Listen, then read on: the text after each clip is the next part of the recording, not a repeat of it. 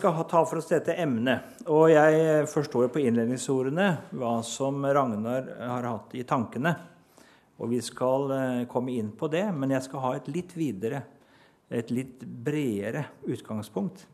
Eh, og kanskje prøve å utfordre oss litt mer som kristne også på dette, med respekt for samvittigheten. Men vi ber sammen først. Ja, himmelske Far, vi takker deg at vi skal få samles om ditt ord også i kveld. Og vi ber om lys ifra ditt ord, og vi ber om hjerter som kan ta imot det. Og Derfor så ber vi deg om Din Hellige Ånd til å åpne våre hjerter, og vi ber også om til å åpne ordet så vi kan se den vei som du peker ut for oss i vårt hverdagsliv i disse spørsmål. Amen. Vi skal lese et kapittel som faktisk eh, Og det kan ses ut kanskje å være litt på siden av det som vi hørte til innledning, men det er nettopp for å få denne bredden i det, og det er Rombrevet 14, som handler egentlig om samvittigheten. I en litt spesiell eh, setting, egentlig, men, men vi skal si at det er egentlig ganske mange allmenne spørsmål som tas opp her. Bakgrunnen er jo at i menigheten i Rom, som mange av de første menighetene, så var det en sammensetning av både jødekristne og hedningekristne. Jødekristne med en eh, rekke samvittighetskonflikter knytta til det å eh, Ja, de hadde både de hedningekristne og de jødekristne. Eh, hvordan skulle man forholde seg til mat, til klær, til høytider? Og mange spørsmål omkring dette. Og Derfor var det mange samvittighetskonflikter. Men før vi leser teksten, så har jeg lyst til å si litt om samvittigheten som sådan. Eh, og Da er det helt åpenbart i Skriften at samvittigheten den er også rammet av syndefallet. Den er derfor ingen ufeilbarlig instans. Den har sine svakheter. Og derfor skal den fungere holdt jeg på å si, rett så må den kalibreres. Den må kalibreres etter Guds ord. Men der vil det ofte være slik, og det er det som Rombrevet 14 da taler om, at den er ikke det. Den er ikke kalibrert etter Guds ord. Og det er nok veldig ofte slik hos oss at vi drar en del ting med som på en måte styrer kompasset i en litt annen retning enn den helt rette kursen. Eh, fordi det er andre ting som påvirker det. Samtidig så er samvittigheten en indre dommer som enten anklager oss eller forsvarer oss i det vi gjør. Og, det er faktisk slik at, og Derfor er det slik at hvis jeg handler imot den, så er jeg den personlige overbevisning Hvis jeg mener meg altså det og er en troende og vil følge Guds ord og bud, så mener jeg når jeg handler imot min samvittighet, at jeg handler mot Gud.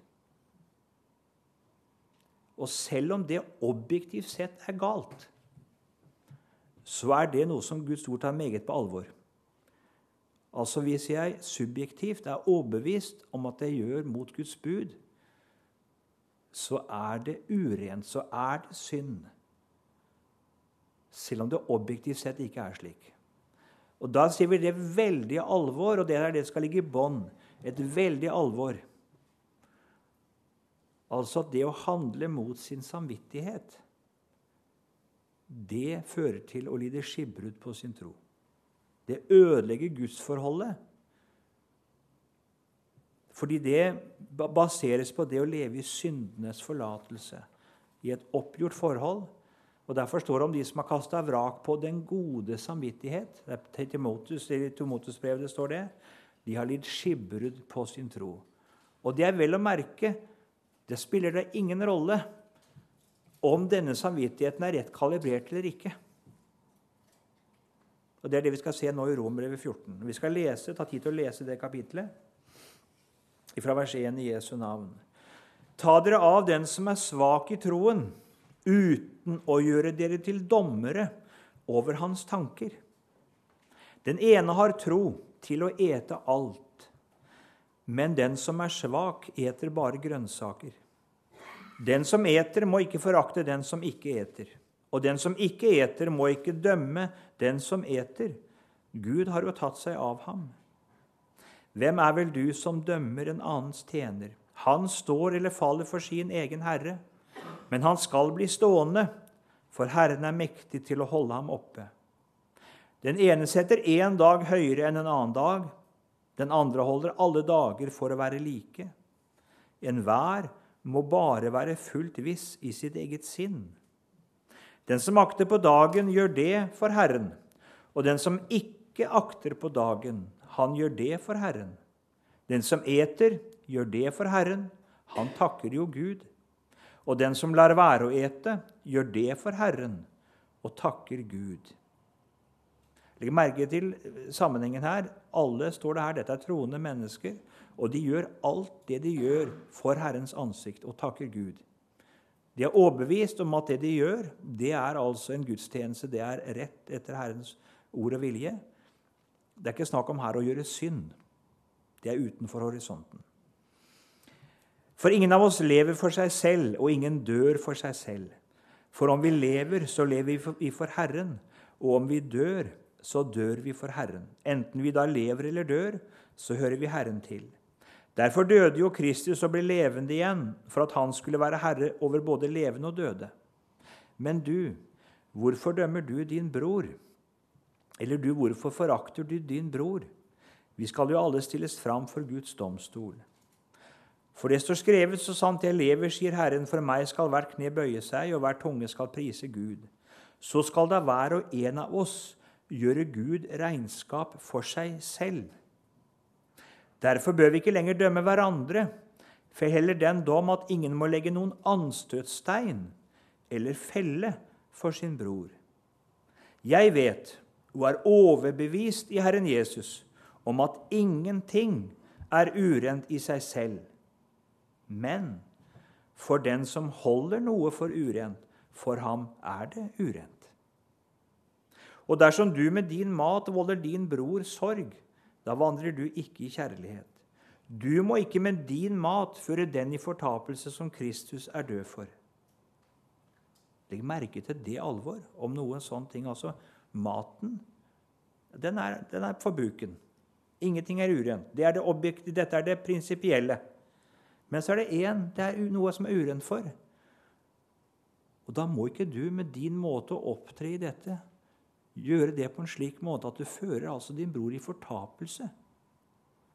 Altså Hvis jeg fører han inn til å handle mot sin samvittighet, da legger jeg anstøt det som fører han til fortapelse. Fordi han, Hvis jeg får han til å handle mot sin samvittighet, så kan det bli altså det som ble første skritt på frafallets vei.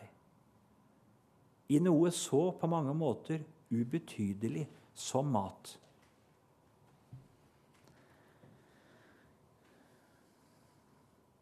La da ikke det gode dere har, bli spottet. Guds rike består jo ikke i mat og drikke, men i rettferdighet og fred og glede i Den hellige ånd. For den som i dette tjener Kristus, er til behag for Gud og står sin prøve for mennesker. La oss da jage etter det som tjener til fred og til innbyrdes oppbyggelse. Bryt ikke ned Guds verk på grunn av mat. Ganske visst er alt rent, men det er ondt for det mennesket som eter det, når det er til anstøt. Det er godt å la være å ete kjøtt eller drikke vin eller gjøre noe annet som er til anstøt for din bror. Har du tro, ha den, for deg selv, for Guds åsyn. Salig er den som ikke dømmer seg selv i det han velger. Legg merke til dette subjektive momentet her. Meget sterkt når det gjelder samvittighetssaken. Men den som tviler, er dømt dersom han eter fordi han ikke gjør det i tro. Alt som ikke er av tro, er synd. Bare altså noen korte begrep her. Vi møtte det ordet om den sterke. Hvem er den sterke i denne sammenheng? Det kommer i kapittel 15. Vi som er sterke. Jo, det er en troende som har en fast og sikker overbevisning i Guds ord. Som gir frimodighet og frihet i forhold til slike spørsmål vi her har talt om. Høytider, mat, drikke. Og som har en overbevisning altså, som faktisk da også objektivt sett er rett. Det er den sterke. Det gir en frihet til å kunne omgås disse ting uten å ha samvittighetsnød. Og den som er sterk, han skal få lov til å leve i samsvar med denne sin overbevisning. Han skal få lov til å spise om dette kjøttet var slaktet og opprinnelig var et offer til avgudene. Han kan spise det med god samvittighet uten å tenke noe mer på det. Han kan drikke vin uten å tenke noe mer på det. Han kan altså forholde seg til de gamle jødiske høytider og sabbatsforskriftene med en frihet som den andre ikke har. Jeg skal ikke gå inn på det med sabbaten. Jeg tenker slik her, altså, Det er ikke snakk om å oppheve helligdagsbudet her. Men det er snakk om valg av hvilken av ukens dager som skulle være sabbat. Skal det være den første dag i uken, da Jesus sto opp? Skal det være den, den siste dag i uken, sabbaten? Og så holdt noen på den og noen på den. Så sier Paulus den får være, der er det frihet. Det får hver bare velge den dag som han er overbevist om. Men altså, altså helligdagsbudet, det er en skaperordning. Så den er ikke opphevet, men vi er fri til å velge om vi vil holde lørdagen eller søndagen eller fredagen for den saks skyld. Sånn ser jeg på det. Eh, svake, hvem er det? Jo, det er troende mennesker. Men de har en samvittighet som er bundet i forhold til ting de prinsipielt sett kunne være fri i forhold til. Men det er de ikke. De er bundet. De har manglende innsikt og erkjennelse. Og så er de bundet av menneskebud eller forskrifter som de kunne vært fri fra. Men de må vi omgås og ta hensyn til. Her I denne sammenheng så skjønner vi at det nok fortrinnsvis er jødekristne som enda kjenner seg forpliktet på sabbatens forskrifter, og syns det er problematisk med de kristne som har valgt søndagen. De vil holde sabbaten. Problematisk med å spise all mulig kjøtt. Har, enda Peter fikk denne duken ned, ikke sant, og så kunne alt være rent. Nei, de har Moslovens forskrifter, kjenner seg bundet av dem. Og så videre. Og ser ikke at alle disse forskerne er oppfylt og hadde sin forbilledlige funksjon fram til Kristus, men de ser på noe som fortsatt er forpliktende, og som de må leve etter.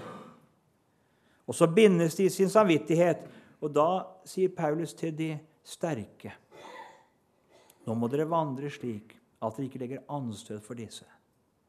Dere må ikke med deres mat nå føre den, altså i fortapelsen som Kristus er død for. Vis respekt for deres samvittighet. Og når jeg snakk om å vise respekt for noe som ikke er synd, altså vise for, men vise respekt for noen som altså er bundet til noe som de burde vært fri fra I fri forhold til. Jeg skal vise respekt for det. Så her ser du altså at det, her er samvittigheten den stelte så høyt. Også den som altså er feil innstilt. Vi har jo også i vår tradisjon hatt en del slike bud iblant oss eh, i ulike sammenhenger eh, knytta til klær, knytta til teknisk innretning som kommer, ikke sant? så skal man ikke ha det. Mange av disse reglene har kanskje hatt en fornuftig begrunnelse tar vi dette med klær. Forskjell på mann og kvinne. Være, Bibelen taler om det. Forskjell på mann og kvinne. En mann skal ikke kle seg i kvinneklær, ikke en kvinne i mannsklær. Hvordan det rent konkret da skal oppfølges, har det vært bestemmelser slik og slik. Ut fra en god intensjon. Så kommer det også, ikke sant, så er det kino, så er det TV, så er det Internett. Og det er mange ting der som vi kunne si at det er mye gode intensjoner i å advare mot det. Men det er forskjell å advare og kunne skille, og det å si at det må du ikke. Det er synd å bruke det. Og Det har det vært i enkelte sammenhenger. Noen av oss har vokst opp i slike, og noen kjenner til slike. Og, og likevel så er det slik altså at eh, hvis det er noen som har en bundethet i forhold til dette Selv om jeg mente det skulle man være fri, så skal jeg altså ta hensyn til det og ikke presse en slik inn i et mønster, inn i en frihet som samvittigheten ikke er med på. Det kan være det første frafallssteget for det mennesket. Fordi det bryter i sin samvittighet med en overbevisning det har. Det er mange, for å ta et eksempel, bare for å vise dette, så, så eh, Det kan være en knytta til dette med å spise kjøtt eller drikke alkohol. Det er mange som har lagt avholdsløft hos oss. Og så er det slik da at så kommer han til nattvær. Og så er det alkoholholdig nattværvin. Og så har han samvittighetskonflikt. Den er uberettiget. Det er den. Men jeg må ta hensyn. Det er et samvittighetshensyn. Apostlene sa det her, at han ville overhodet ikke drikke vin hvis det ville føre hans bror til fall. Det er et samvittighetshensyn som gjelder. Det betyr ikke det at det ikke påhviler oss å føre og lære og lede disse her svake til en rett erkjennelse. Det skal vi gjøre.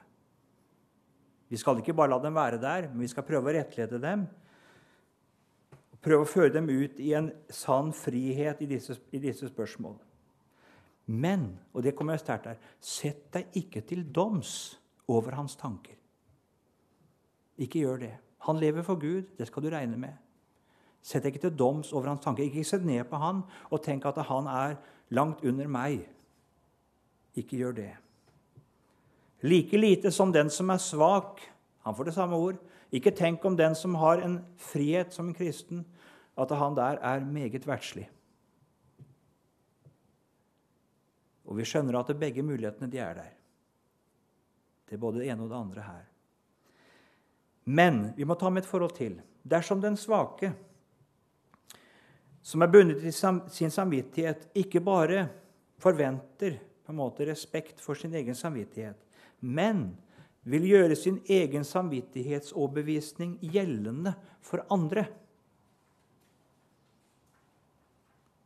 La oss ta eksempelet i stad med nattverdvin. En som da ikke har samvittighet til det. Så sier han at ingen andre skal heller drikke alkoholholdig nattverdvin. Nå skal alle drikke sånn vin som jeg mener. Og det er synd å gjøre noe annet. Og gjør det til et bud. Hva sier Skriften om det? Jo, da er han i ferd å legge et åk på menneskene som ikke finnes i Skriften. ikke sant? Da taler Skriften med en helt annen skarphet. Hvis noen kommer og sier 'ta ikke', 'rør ikke', 'smak ikke' Da kan du lese Galaterbrevet om hvordan apostelen stiller noen kommer med slike bud og vil føre mennesker inn i trelldom. Da er det ikke snakk om også å vise den samme finfølelse, for da er det snakk om den evangeliske frihet. Og Da står det altså om virkelig, Vi kan slå opp der i Galaterbrevet 2 for å ta den siden av saken. Galaterbrevet 2, og fra vers 3. Da kom noen og sa dere må omskjæres, ikke sant? Og dere må forpliktes på Moses lov. Da skriver apostelen det i vers 3 der. Men ikke engang Titus, som var med meg, han som var greker, ikke engang han ble tvunget til å la seg omskjære for de falske brødres skyld som hadde sneket seg inn. De var kommet for å lure på vår frihet, den som vi har i Kristus Jesus, for å kunne gjøre oss til treller. Men ikke et øyeblikk vek vi eller gav etter for dem, for at evangeliets sannhet skulle stå fast hos dere. Hvorfor så forskjellig holdning? Jo, er det en som har samvittighetsnød knytta til noe, så er det synd for han. Jeg skal ikke presse han. Men i det øyeblikket han vil legge et bud på andre mennesker, så vil han altså føre inn i en tanke at det er ikke nok dette å leve i tro på Jesus og syndenes forlatelse. Ikke nok å holde fast på Kristus, men i tillegg så må du det og det og det. Og Da sier Skriften at det er det det er spørsmål om å gjøre det eller det eller det, da får du til å gjøre alt. For er rettferdighet å vinne på den veien, så er det alt. Og Derfor er det å lure på vår frihet. Og Derfor så tales det med sånt alvor. Og man legger bare så et lite ekstra bud som et krav som du må oppfylle, og som du må ha som et kjennetegn i tillegg til dette å høre Jesus til og være frelst i troen på Han ja, da har du falt ut av nåden. Så alvorlig er det. Derfor denne veldige altså, eh, forhold til på mange måter samme spørsmålet, men skal det legges som et bud på andre, så må vi altså stille oss meget avvisende, sterkt avvisende til det. Ja, la dette være en liten innledning. Grunnleggende, Nå skal jeg prøve å ikke holde på for lenge. Men, men er det slik Skriften formaner oss til å opptre overfor den svake? Tilbake til det. Den som er bundet i samvittigheten på galt grunnlag. Hvor mye mer vil ikke Skriften kreve respekt for den som er bundet i sin samvittighet med rette? Knytta til noe som er synd, virkelig er synd. Det er klart, Da skjønner jeg at det gjelder like mye og like sterkt i disse spørsmål. Og jeg tror jeg kan si litt om det, at det innenfor jødisk eh, kultur og tradisjonell kristen kultur så har det vært eh, eh, praksis med respekt for samvittigheten. Det har vært en tankegang som vi møter hos, hos Willoch. Det har han fra en jødekristen tenkning. Du vil ikke møte den innenfor islam. Du vil ikke møte den samme tenkning innenfor en sosialistisk kultur, tankegang. For det, der er det totalitære, det totalitære. Den tankegangen at alle skal innrette seg det vi bestemmer, det er det som er rådende. I jødisk og kristen tenkning så er det respekt for den enkelte samvittighet. Det ligger i bånd. Hvis det er slik, som vi også hørte om til åpning da, at eh, hvis myndigheter eller andre mennesker vil presse noen til å handle mot sin samvittighet Vi kan ta noen eksempler. Utføre, medvirke til abort, delta i urettferdig krig, til å undervise og lære i strid med ens overbevisning, f.eks. om mann og kvinne. Du er lærer i den offentlige skole eller i en annen skole, og så kommer det i læreboka, så står det noe der. Likestillingsideologi som du ikke som kristen kan dele. Om homofili, om samlivsformer. Som noe godt, og som noe som er helt naturlig, og som sidestilles. Og så kommer det samvittighetsnød. Hvis du da pålegges å undervise og lære om dette i strid med din samvittighet, da kan ikke og skal ikke en kristen la seg diktere. Han må lyde Gud mer enn mennesker. Jeg kan ikke skyve ansvar over på overordnede og si det at det er andre som har bestemt dette, og jeg må som ansatt, jeg må som, som en som er underordnet her, lyde det. Det kan jeg like lite som nazistene, de som var bødler i konsentrasjonsleirene, kunne si det at det var våre overordnede som, som krevde det av oss. Det holdt ikke for Nürnberg-domstolen, og det holder ikke for Guds domstol.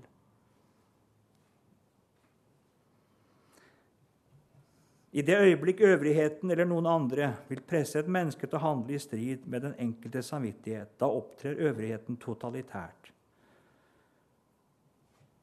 Og gjentar det den troende må gjøre som apostelen og svare det at vi må lyde Gud mer enn mennesker. Det er ingen annen kristen farbar vei.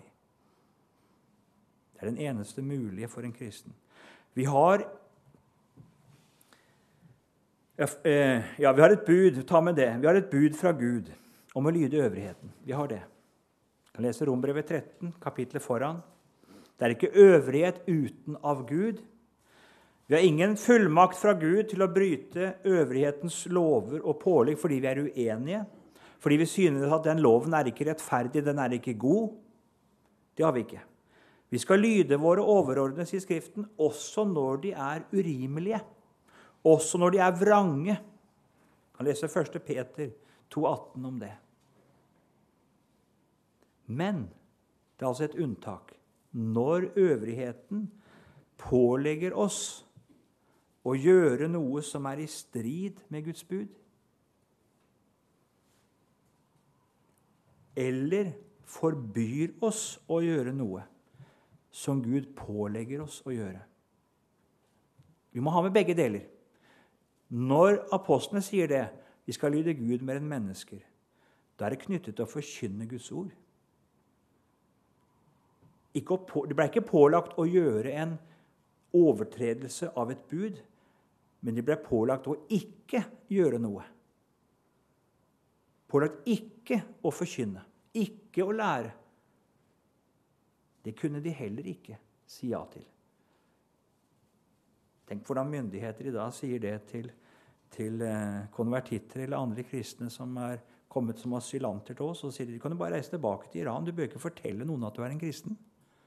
Og så har de et bud fra Gud som sier at det går ut i all verden og forkynner evangeliet. Vitne om meg. Altså, en kristen kan ikke det. Det hører med til å være en kristen å avlegge sitt vitnesbyrd i ord og i ferd.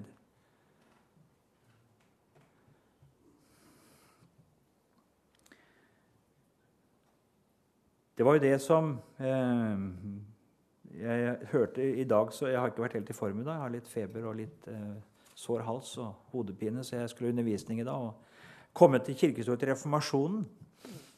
Og tenkte jeg nei, jeg får la elevene uh, se på en film. Det pleier jeg aldri å gjøre. Det var unntak i dag.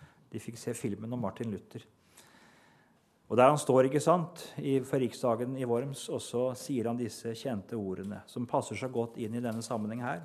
Hvis jeg ikke blir beseiret ved Skriftens vitnesbyrd eller ved åpenbare fornuftsargumenter, for jeg tror verken på paven eller på konsilene alene, ettersom det står fast at de flere ganger har tatt feil eller har motsagt hverandre.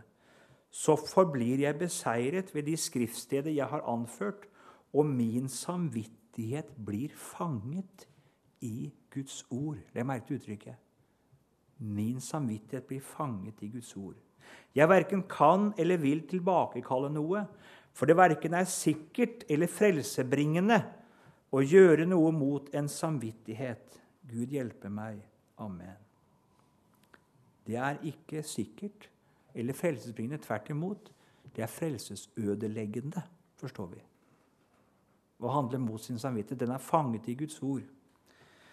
Og så er det slik da at den kristne forkynner, den kristne prest, lærer og husfar er forpliktet til å lære i samsvar med Guds ord, uaktet hva myndigheter, og øvrighetspersoner og overordnede sier. Det skal gjøres med skjønnsomhet og med for, og forstand. Eh, det skal det gjøre. Men likevel, en er forpliktet til å undervise og lære i samsvar med Guds ord. Dette er noe av det som jeg opplever som lærer, som er kanskje noe av det som jeg eh, kjenner at det her trykker skoen for mange kristne friskoler i Norge for lærere og for de som skal lage planer.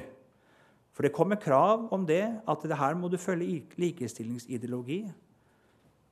Jeg husker jo I min, i min studietid så var det vel Carl Fredrik Wisløffs, en av hans bøker som ikke ble godkjent som studiebok fordi den ikke var i samsvar med likestillingsloven.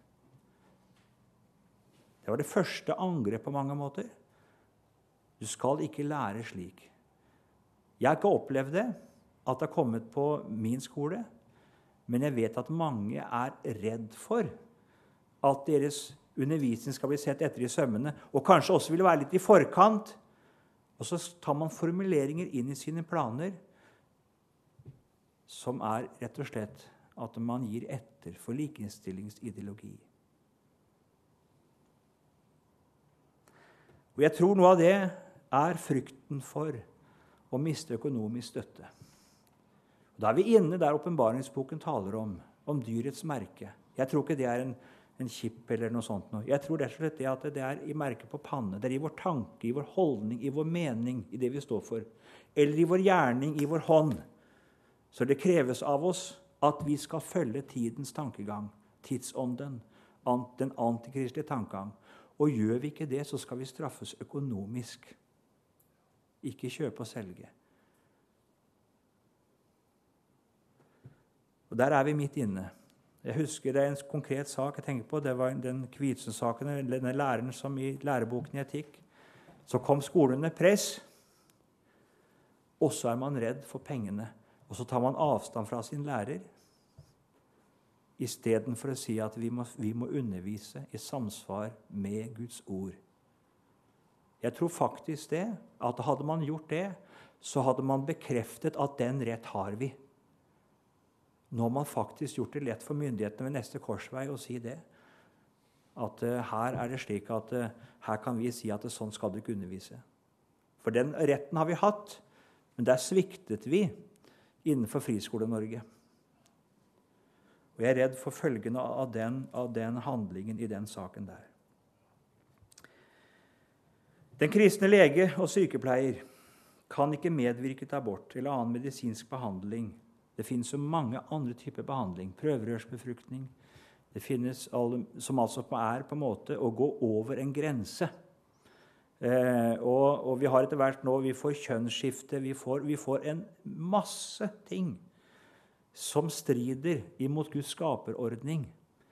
Eh, så, eh, så, problemene blir legio for en sykepleier og en lege etter hvert. Du kan tenke på å avslutte livet med altså eh, eutanasi, aktiv dødshjelp, og en masse, masse samvittighetsspørsmål her. Og det er slik at Her er det rett av en kristen å kreve samvittighetsfrihet og motsette seg et yrkesforbud når det kommer på tale. Det må vi understreke på sterkeste. Her må vi støtte og hjelpe og tale for dette. Og Samtidig må jeg si det at vi som kristne må være forberedt på yrkesforbud.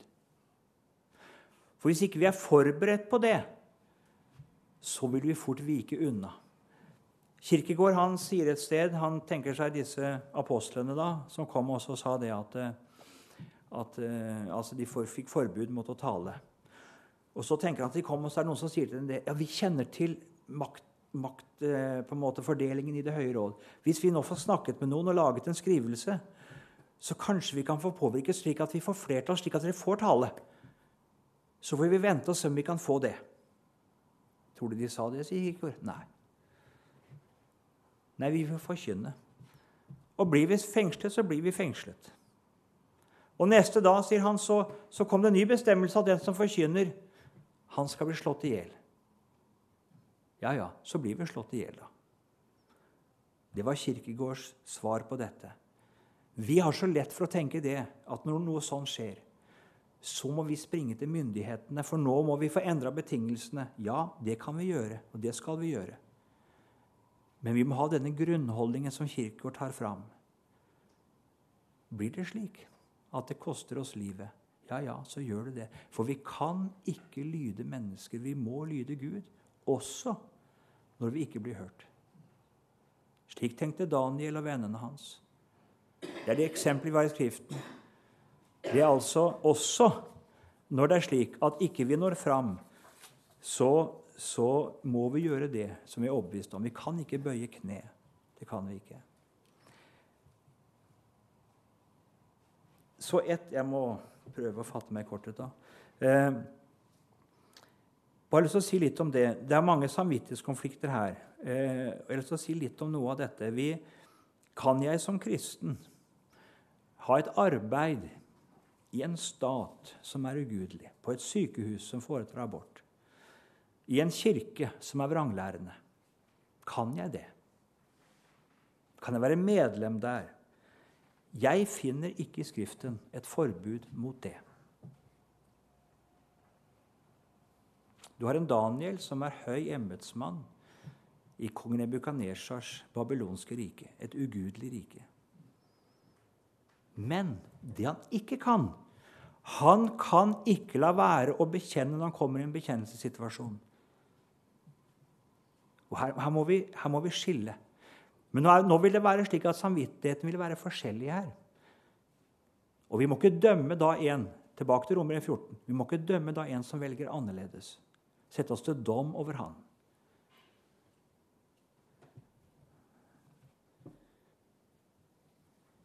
Så bare ta et enkelt eksempel. Vi har et bud fra Gud om ikke sette oss inn under en vranglærers talerstol. Vi skal vende oss fra dem.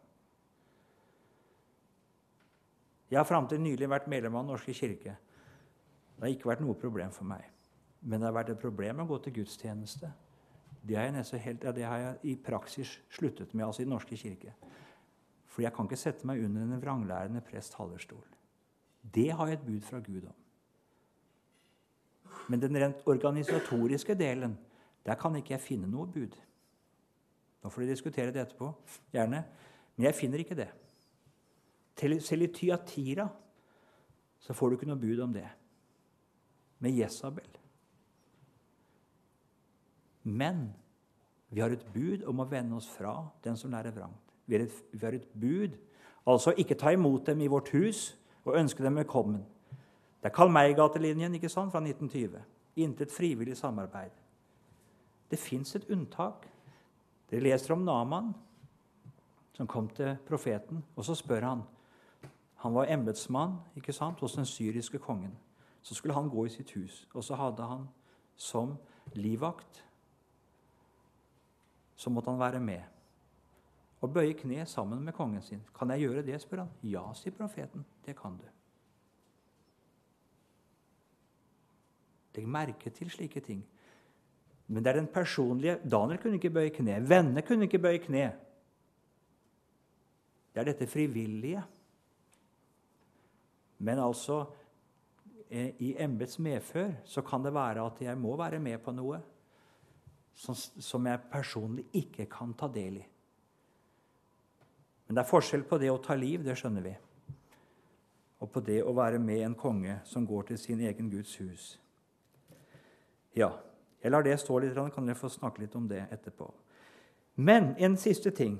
Personlig har jeg ikke hatt de største problemer i forhold til øvrigheten når det gjelder respekt for samvittigheten. Jeg har hatt størst problemer i forhold til kristne organisasjoner og ledere. Det er et tankekors. Men det samsvarer med Guds ord. Forfølgelsen skal begynne fra synagogene. Hvem var det som fikk Jesus på korset? Var det Pilatus som var den drivende kraft i det? Nei, det var det ikke. Ikke kong Herodes heller. Det var Det høye råd. Det var fariser og de skriftlærde. Når jeg så filmen om Luther i dag, det var heller ikke keiseren som var den drivende kraft. Det var det ikke. Det var kardinaler og biskoper og pave. Så var det en drivende kraft i forfølgelsen. Det var vel heller ikke staten som var den drivende kraft i kampen mot Børre Knutsen. Det var vel ikke det. Det var vel hans overordnede innenfor kirkestyret. Og det er slik hvis du øver en forkynnelse eller en undervisning eller en, en tale altså, som er en indre kritikk i en kristen virksomhet som er på frafallets vei, eller som er i ferd med å vike, da er du et problem. Det er aldri noe problem for organisasjon hvis noen utvider grensene. For det gjør jo mulighetene større for å vokse. Men kommer det en som taler som en profet som Jeremia eller en Amos, det er et problem. Det skaper splid innad, og så settes denne under et voldsomt press. Tal ikke slik. Denne her han kommer bare, alltid bare er det mørke ord, ikke sant? Der opplever jeg at kampen ofte står for en forkynner og en kristen i en organisasjon om å bøye av og være medgjørlig og føyelig. Jeg har blitt oppsagt i en kristen organisasjon fordi jeg tok til orde imot utvikling innenfor sang og musikk. Og Argumentet var nettopp det. Vi kan ikke ha en medarbeider som kritiserer andres arbeid. Så måtte jeg gå. Eller ble sagt opp.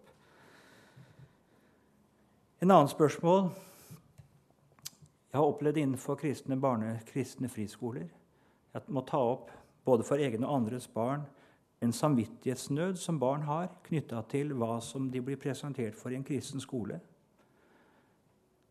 Være med på dans i gymtimen eller andre timer. Se på filmer som er av et karakter at det er problematisk. Musikk som ikke de har samvittighet til. Jeg har møtt veldig liten forståelse for at samvittigheten til barn er noe problem. For jo, Vi er jo en kristen skole, og dette er vedtatt i vårt skolestyre, og dere har valgt å gå her. Da må dere bare kjøpe. Da, da er det take it or leave it. Jeg prøver å komme med Romerbrevet 14. Nei. Det er ikke gangbar mynt. Forstår ikke at eh, Nei, Kan vi ikke møtes da på halvveien? Kan vi ikke finne en sånn Så det er ikke sånn. I samvittighetsspørsmål så er det ikke mulig å møtes på halvveien. Daniel og vennene kunne ikke si det til han. Ja, vi kan spise litt kjøtt og litt sånn, men, men vi må ha litt grønnsaker også. Nei. Sånn er det ikke samvittighetsspørsmål. Der er det ikke mulig å møtes på halvveien. Det går ikke. Ja. Jeg tror jeg skal eh, stanse der og ta med ett forhold til. Vi lever i en kultur mer og mer som er eh, preget av frafall, oppløsning av ekteskap. Og så får vi alle i våre familier så får vi mennesker som lever i åpenbar strid med Guds ord. Homofile, kanskje samboende homofile, aktivt praktiserende homofile. Samboere. Og så skal det være bryllup.